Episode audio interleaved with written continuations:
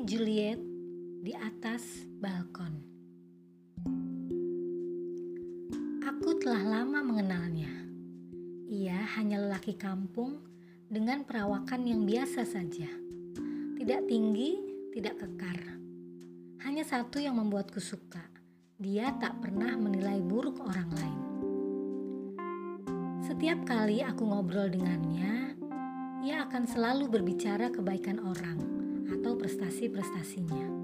Baginya, membicarakan keburukan orang lain akan membuat tertular dengan keburukan itu. Namun, ada satu yang kubenci darinya: ia tak pernah rapi dan jarang menyisir rambutnya. Namanya pun sederhana, cukup satu kata: Roni. Tapi aku biasa memanggilnya Oni. Kami adalah teman yang dipertemukan karena hobi yang sama membaca. Koleksi bukunya banyak, jadi aku sering meminjam buku padanya. Kamu ya yang bernama Reti? Kata Iva, kamu suka membaca puisi dan novel. Itulah kata pertama saat kami pertama bertemu. Saat itu aku sedang duduk di pantai bersama Iva Yati temanku. Aku yang saat itu sedang melamun, sedikit terhenyak saat ia tahu namaku. Sejak itu aku mulai mengenalnya lebih dekat dan mulai berani meminjam buku ke rumahnya. Rumahnya tidak begitu luas, hanya ada dua kamar tidur dan ruang tamu.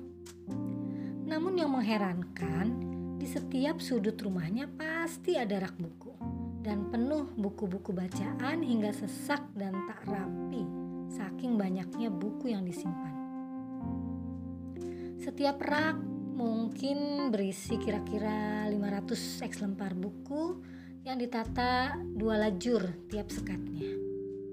Masing-masing rak menyimpan buku dengan tema berbeda, ada sastra, agama, filsafat, dan sosial budaya.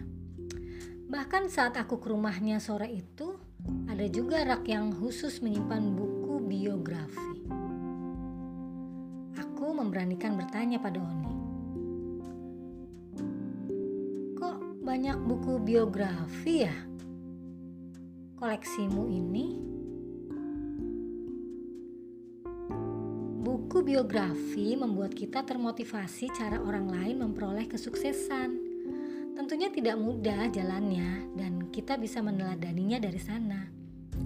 Terangnya sambil mengambil biografi Mahatma Gandhi yang menurutnya telah dibacanya berulang kali dan tak pernah bosan.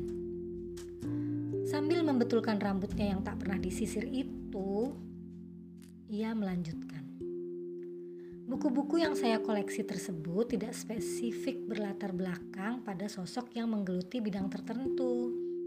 Beragam profesi menjadi koleksiku, misalnya bidang politik, bidang ekonomi, dan bidang lainnya, asalkan menarik untuk dibaca. Biasanya saya hanya membaca biografi tokoh yang mempunyai sisi kreativitas dalam hidupnya dan telah menjadi inspirasi banyak orang. Apakah untuk sukses kita harus mengekor bidang yang orang lain geluti? Protesku dengan sedikit penasaran. Untuk menjadi sukses tak perlu harus mengekor bidang kesuksesan orang lain, tapi kita harus meneladani bagaimana cara mereka menggeluti bidangnya hingga bisa sukses seperti itu. Di sinilah kita bisa aplikasikan cara-cara mereka ke dalam cara kita menggeluti bidang keahlian kita. Jelasnya sambil mengusap rambutku. Hmm, aku sedikit salah tingkah saat itu. Tapi aku menyukai cara dia membelai rambutku. Ia menganggap aku adalah anak kemarin sore yang masih perlu dimanja. Sejak itu, aku makin sering berkunjung ke rumahnya untuk sekedar ngobrol tentang buku-buku yang telah selesai kami baca. Tak jarang kami saling adu argumen dengan keras dan masing-masing tak mau kalah. Herannya, aku padanya itu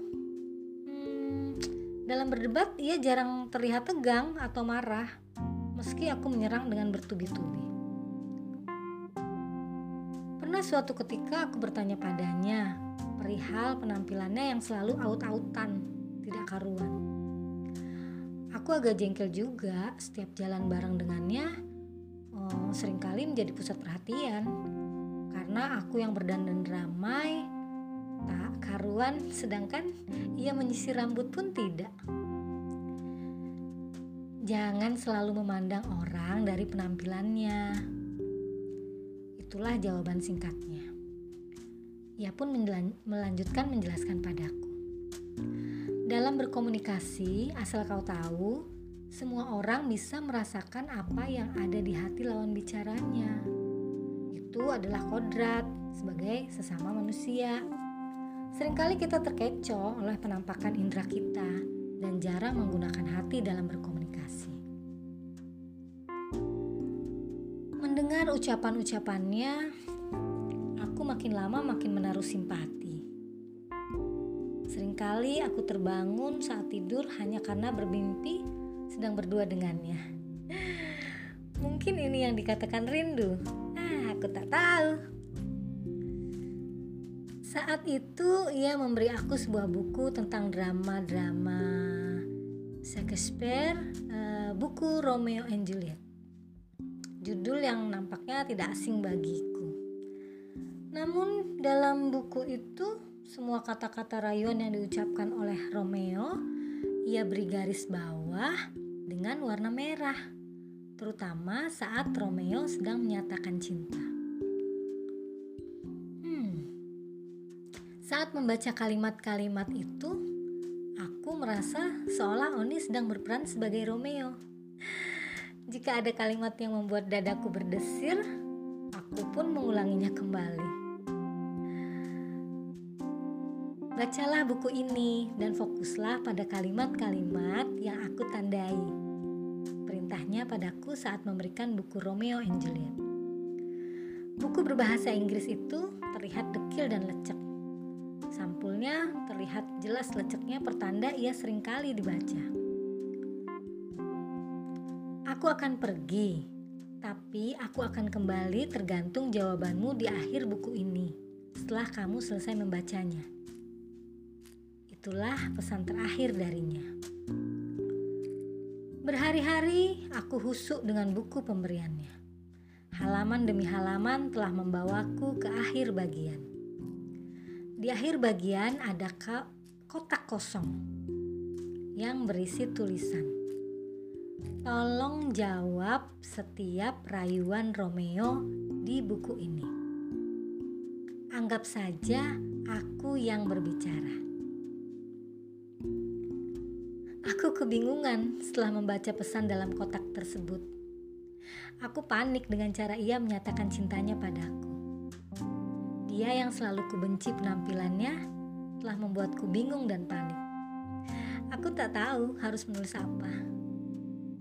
Hmm, kuputuskan untuk menulis dalam kotak kosong itu.